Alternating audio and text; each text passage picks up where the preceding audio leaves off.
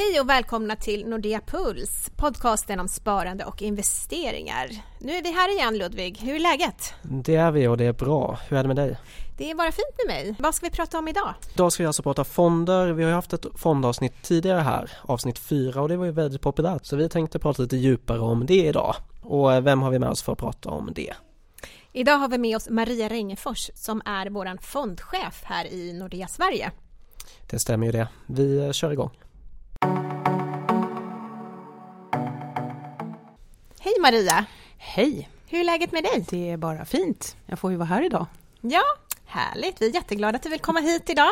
Eh, jag tänkte att vi kan börja med att gå in på lite fondhistoria. Mm. Eh, varför har fonder blivit så populärt i Sverige? Då får man gå tillbaka till mitten på 80-talet. Det börjar ju bli ett tag sedan, men det var egentligen där det började med allemansfonderna. Det var på den tiden när ingen sparade någonting och man tyckte från, från regeringens håll att man måste uppmuntra sparande. Och då gjorde man det genom ett skattesubventionerat sparande som då blev allemansfondsparande. Och det där öppnade upp kan man säga aktiemarknaderna för vanligt folk. Plötsligt blev det möjligt att kunna spara i aktier för de som inte hade så mycket pengar genom månadssparande. Och där började det. Och hur många fondsparare har vi i Sverige idag ungefär? Men tittar man på populationen så är det väl över Ja, alltså över 70 procent sparar i fonder mellan 18 och 74 år. Tittar man, tar man med PPM-sparandet så är det över 90 procent. Och tittar man på alla barn så har barn under 18 år så är det 60 procent av dem har ett fondsparande. Så det, vi, vi är bäst i världen på fondsparande.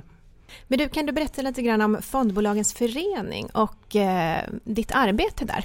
Fondbolagens förening är en branschorganisation för fondbolag som har som mål att verka för bästa möjliga förutsättningar på den svenska fondmarknaden och därmed också verka för, för bra eh, avtal och villkor och så för fondsparare. Och eh, jag är ordförande i den föreningen nu sedan i våras. Och det är jätteintressant för då får man jobba med branschfrågor. Jättemycket om regelverk och vad är det som kommer till Sverige och hur eh, ska man implementera det här? Vad ska vara EU-baserat? Vad tycker Finansinspektionen om oss? Och hur kan vi förbättra oss ännu mera och sådär. Så det är mycket sådana frågor vi jobbar med. Men också nu en väldigt aktuell fråga som handlar om premiepensionssystemet. Ska vi ha kvar valfriheten på PPM-plattformen eller inte? Det är en politisk fråga men även vi är engagerade i den. Och eh, vad är din syn där då? Alltså jag tycker att det är bra med valfrihet. Och tittar man på det här systemet så kan man ju ändå säga att det har lyckats. För det kom ju där år 00 var det väl ungefär och, och eh, jämför man då vad den statliga pensionen har gett i genomsnitt per år, ungefär 2 procent tror jag, 2-2,5 procent, jag kommer inte exakt ihåg. Och så jämför man med ett snitt av vad den här valfriheten i form av att du själv har valt fonder har gett, oavsett om det har varit i det statliga icke-valsalternativet eller i en, ett eget val, så ligger snittet där på 6. Så det är klart att det har varit en framgång. Så jag tycker att man ska bevara det. Men man måste skärpa till det. För det finns ju bolag där som inte har skött sig. Och det måste man förstås eh, omhänderta. Så kraven måste bli högre på oss som vill vara på den där plattformen. Och så måste man rensa ut dem som inte sköter sig. Men vad är fördelarna med att spara i en aktiefond jämfört med att spara direkt i aktier? Först vill jag bara säga så att jag, kan, jag ser att det finns ett sorts nyvaknat intresse för att spara i aktier som har blivit väldigt tydligt det senaste året. Och det är jättekul. Eh, och samtidigt kan man ju säga att det, det kan ju vara om man inte riktigt känner att man klarar av det där själv så är det ju enkelt att spara i en aktiefond istället för då får du ju hjälp med att välja ut bolag och så sprider du riskerna. Och just det här med riskerna tycker jag är jätteintressant nu när vi också har sett så många år av uppåtgående marknader och att många av de som nu börjat spara i aktier eller aktiefonder inte har varit med om en riktig nedgång. Och det kommer ju, det vet vi ju som har varit med ett tag. Så att på det sättet är det bra att spara en fond också för du får en större spridning. Och hur ska man tänka kring det här med risk i sitt fondsparande då? Om man ska tänka lite hur länge man ska spara så att om du är ung och ska spara väldigt länge och inte behöver pengarna för något buffertsparande eller så, då ska du spara i aktier eller aktiefonder på lång sikt. Behöver du pengarna inom kort, ja men då ska du välja en fond som har en lägre risk. Det kanske är en, en blandfond som innehåller både räntor och aktier eller också är det bara en räntefond eller också har du pengarna på konto om du vill ha den där bufferten. Men ju längre sikt du har, eh, desto högre risk ska du ta. Eh, det finns ju lite olika typer av fonder också och något som vi inte har varit inne på här tidigare är det här med hedgefonder. Jag tänker, mm. hur fungerar de? Hedgefonder är ju ett jättebrett begrepp. Så att de kan vara väldigt riskfyllda eller inte alls särskilt riskfyllda. Men egentligen så är det en, en, grupp av fonder som har ganska fria placeringsbestämmelser, heter det. Det vill säga att förvaltaren kan liksom bestämma väldigt mycket och, och har ett regelverk, de regleras av ett regelverk som ger den möjligheten. Och det innebär till exempel att man kan belåna aktier och sådär, vilket ju är jättebra när, när kurserna stiger men inte så bra när kurserna faller. Så att det är generellt sett kanske lite mer risk i hedgefonder än vad man eh, än i en vanlig aktiefond eller definitivt högre risk än en räntefond eller en blandfond. Så det där tycker jag, det är svårt att förklara det kortfattat så det ska man prata med någon om om man tycker att det verkar intressant för som sagt spannet är enormt. Om man tänker lite bredare då, hur ska man försöka sätta upp en strategi för sitt fondsparande? På samma sätt som man ska sätta upp eh, en strategi för sitt hela sparande. Och när man tittar på hur vi i Nordea resonerar så har ju vi en idé om hur man ska placera sina tillgångar då på aktiemarknaden. Och där är ju just Nordamerika den största delen, för det är den största aktiemarknaden. Sverige är en ganska liten del. Så i, i vår generella rekommendation för långsiktigt sparande så säger vi ju 40% i USA och 15 tror jag det är i Sverige. Så att så ska man tänka. Och det betyder att om man ska välja fonder då så ska du börja med någonting så ska du ju börja med en global aktiefond. Hur många fonder tycker du man ska ha i ett fondsparande? Oj, det var en svår... Alltså man kan ju ha en. För att vi har ju fonder som, som innehåller allt, allt i ett-lösningar om man tycker att det är enklast. Men sen så ska du väl åtminstone ha då kanske ett antal fonder som speglar då, om du vill sätta ihop en egen portfölj, speglar våra rekommendationer. Och då är väl det kanske en fem, sex stycken eller någonting sånt. Med lite olika del i olika delar av världen då.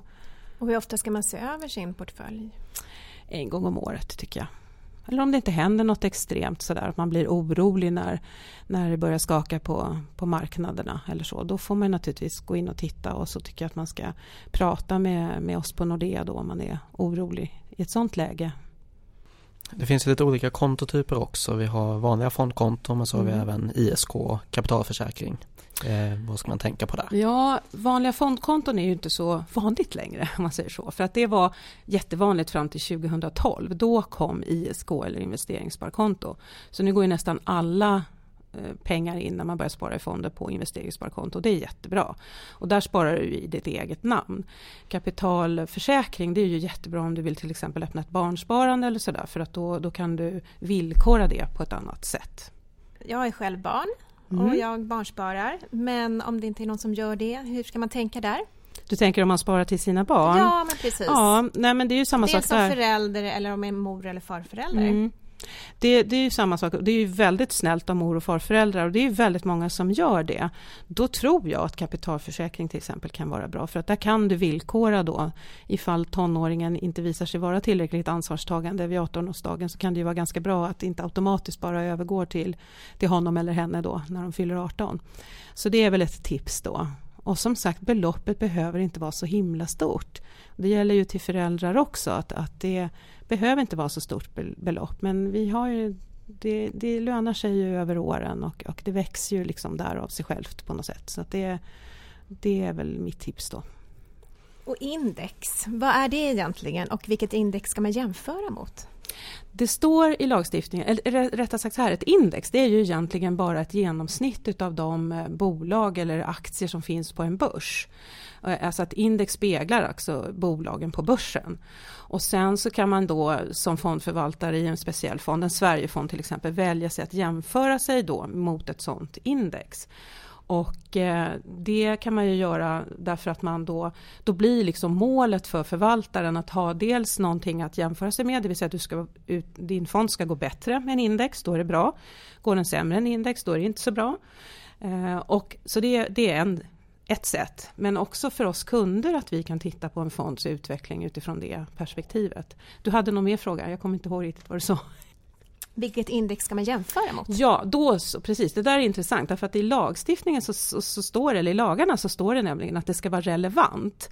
Så att det betyder ju då till exempel att om du har en Sverigefond så ska du ju ha ett index eller en sammansättning av bolag då som finns på Stockholmsbörsen till exempel. Men du kan inte jämföra en, en, en Sverigefond mot ett index som är ett världsindex eller någonting sånt för det är ju då inte relevant. Nej, inte Nej. jämföra äpplen och päron. Exakt. Du, det här med aktiv förvaltning, det har mm. ju varit ganska mycket kritik mot det. Mm. Eh, men eh, hur har vi på Nordea arbetat med att utveckla vårt fonderbjudande? Då kan jag koppla tillbaka till det här med index därför att aktiv förvaltning det är egentligen i förhållande till ett index. Det vill säga att som, om du är en aktiv förvaltare så ska du ju slå ditt index och då har kritiken varit att man inte har, har gjort det i tillräckligt hög grad utan att man har valt att liksom skugga det här indexet för att man inte riktigt vågar ta riskerna då. Som jag sa så kan det ju gå jättebra eller så kan det gå jättedåligt och då har det varit tryggare att hålla sig väldigt nära det här indexet. Men, men det är ju på väg bort och vi i Nordea tog ju ett beslut för, ja det är ju ganska många år sedan nu om att, att allt sånt där ska bort i den mån, det har förekommit. Alltså att man ska höja upp graden av aktiv förvaltning. Så det har vi gjort bland annat för vårt Sverige och Norden-team så, så blev det ett stort omtag här för, för några år sedan. Och just nu så, så, så går det ju fantastiskt bra just för det teamet i den här aktiva förvaltningen så det känns ju jätteroligt att man är på rätt väg. Vi börjar närma oss slutet av 2017 nu så jag tänkte bara hur har utvecklingen för Nordeas fonder gått under 2017? Rent allmänt så, så, när jag tittade senast så kan man ju se på den här jättelånga listan av våra fonder som vi har i vår fondinformationstjänst så har det ju gått ganska bra.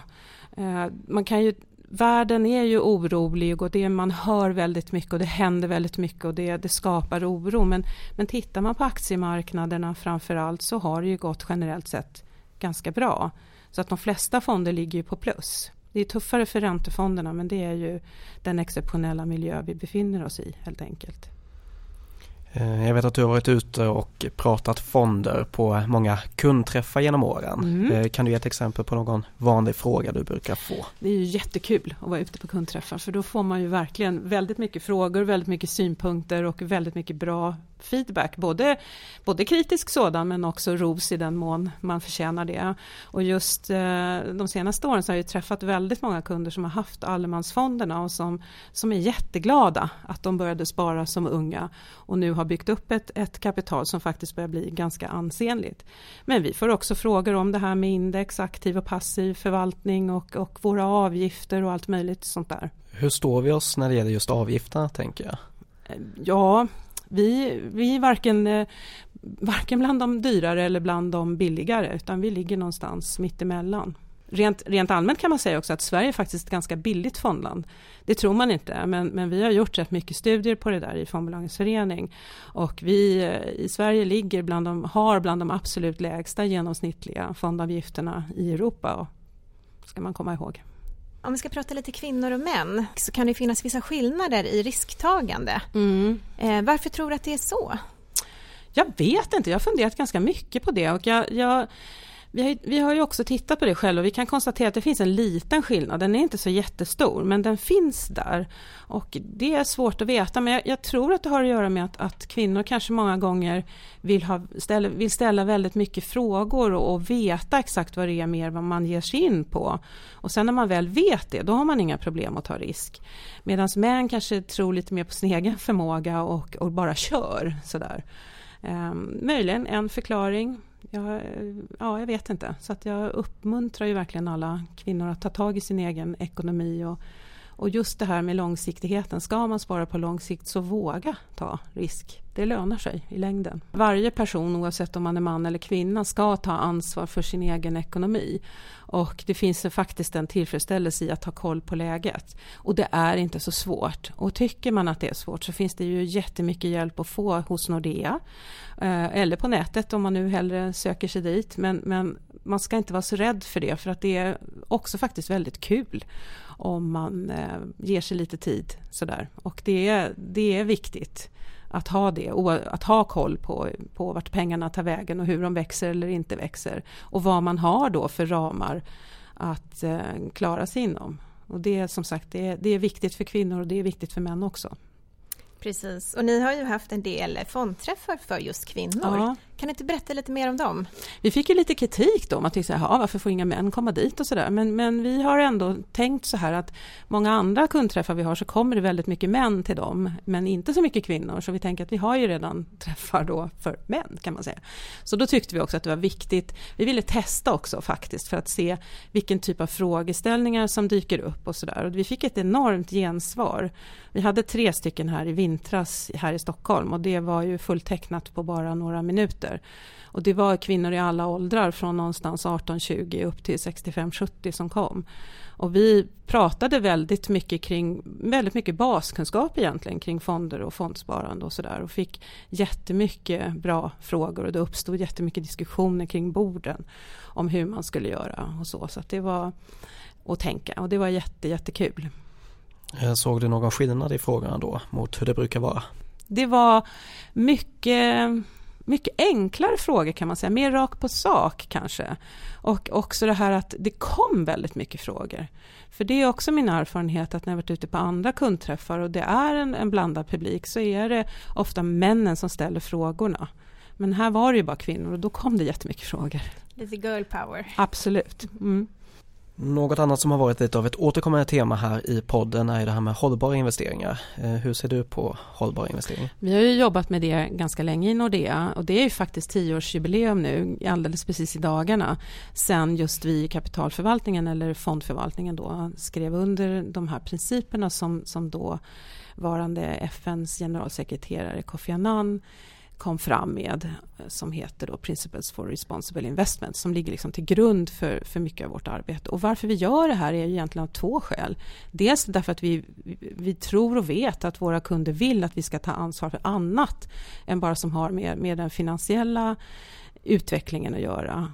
Dels för att det också visar sig att det är jätteviktigt och då kan man fråga sig varför är det jätteviktigt? Jo, därför att det här handlar om att titta på andra risker. När man förvaltar en fond så tittar man på risk och så bedömer man företagets förmåga att hantera det och då är det mycket finansiella tal. Kommer man att öka försäljningen? Kommer man att minska försäljningen? Kommer man att skuldsätta sig mer? Hur har man med kassaflöden och sådär? Men plötsligt så har det ju visat sig att det blir också viktigt att känna till sånt som har med hur ser det ut hos underleverantörerna att göra? Eh, har de barnarbetare i fabriken? Hur stor vattenförbrukning har man? Kan man minska den? Jobbar man med det och så där? Därför att det är faktorer som, för, som påverkar företagets förmåga att överleva och att leverera goda resultat. Och det är ju det det handlar om till syvende och sist. Så det är faktiskt ett sätt att utvärdera risker och möjligheter i olika bolag. Och hur ser du på fondsparande framöver? Är det några nya trender eller så som vi kommer få se här framöver? Jag tror att i takt med att vi får allt fler alternativ, att digitaliseringen intensifieras så kommer vi handla fonder på andra sätt än vad vi kanske har gjort traditionellt och på flera olika plattformar. Vi kommer få flera olika typer av fonder som kommer att innehålla mer eller mindre grad av service och tjänster kring rådgivning och så. Så att jag tror att det kommer hända väldigt mycket de närmaste åren. Det kommer ju nya regelverk nu också i och med mm. Mifid 2. Hur ser du på det? Det kommer ju att vara bra för spararna på så sätt att man får se också vad den här förvaltningsavgiften som man då betalar går till i kronor och ören. Och det är ju förstås själva förvaltningen men det är också mycket annat som har med administration och, och rådgivning och, och sån informationsgivning att göra. Och det kommer bli tydligare. Om vi går över lite till dig personligen, hur sparar du själv? Jag sparar, eh, jag har månadssparande inom investeringssparkonto och sen så är jag lite, jag är lite så riskbenägen så jag har ganska hög risk i mitt sparande.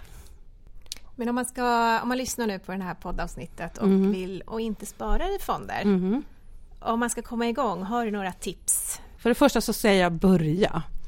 Och det är inte så svårt. De alla har vi en internetbank och det är jätteenkelt att gå in där. Så att börja är faktiskt det viktigaste rådet. Det behöver inte vara så stort belopp. Det räcker ju med 100 kronor i månaden. Eller 200 kronor eller vad man nu känner att man kan avstå ifrån. Och att man ska lägga upp det så att det dras automatiskt. Det är inget du ska göra själv utan månadsspara det ska du låta ske automatiskt och så låta det bara växa. Och sen så om du inte har någon fond från början då som jag nämnde tidigare. Ta en global aktiefond om du ska spara på lång sikt. Är det kortare tid ska du kanske fundera lite men är det riktigt lång sikt så, så då ska du välja en helt vanlig global aktiefond. Och som sagt, ju längre du sparar desto högre risk ska du ta. Det är väl det tredje rådet då. Men då får vi tacka så jättemycket för att du kom hit idag Maria. Tack för att jag fick komma. Ja, det där var alltså trettonde avsnittet av Nordea Puls och vi har ju haft ett fondavsnitt tidigare och det var det fjärde avsnittet. Så det får man jättegärna lyssna på om man vill höra lite mer om fonder. Vi vill ju jättegärna ha in feedback från er också och hur skickar man in det Erika? Jo, men då kan man mejla till oss på eh, nordeapuls.nordea.se eller så går man in på Nordea Investors startsida och det är alltså investor.nordea.se och fyller i ett kontaktformulär som vi har där. Ni får jättegärna ställa frågor om det är något ni undrar över så kommer vi ta upp det här i programmet. Så eh, skicka gärna in det till oss och eh, utöver det så säger vi vad då? Ha en bra vecka så hörs vi eh, om en vecka igen.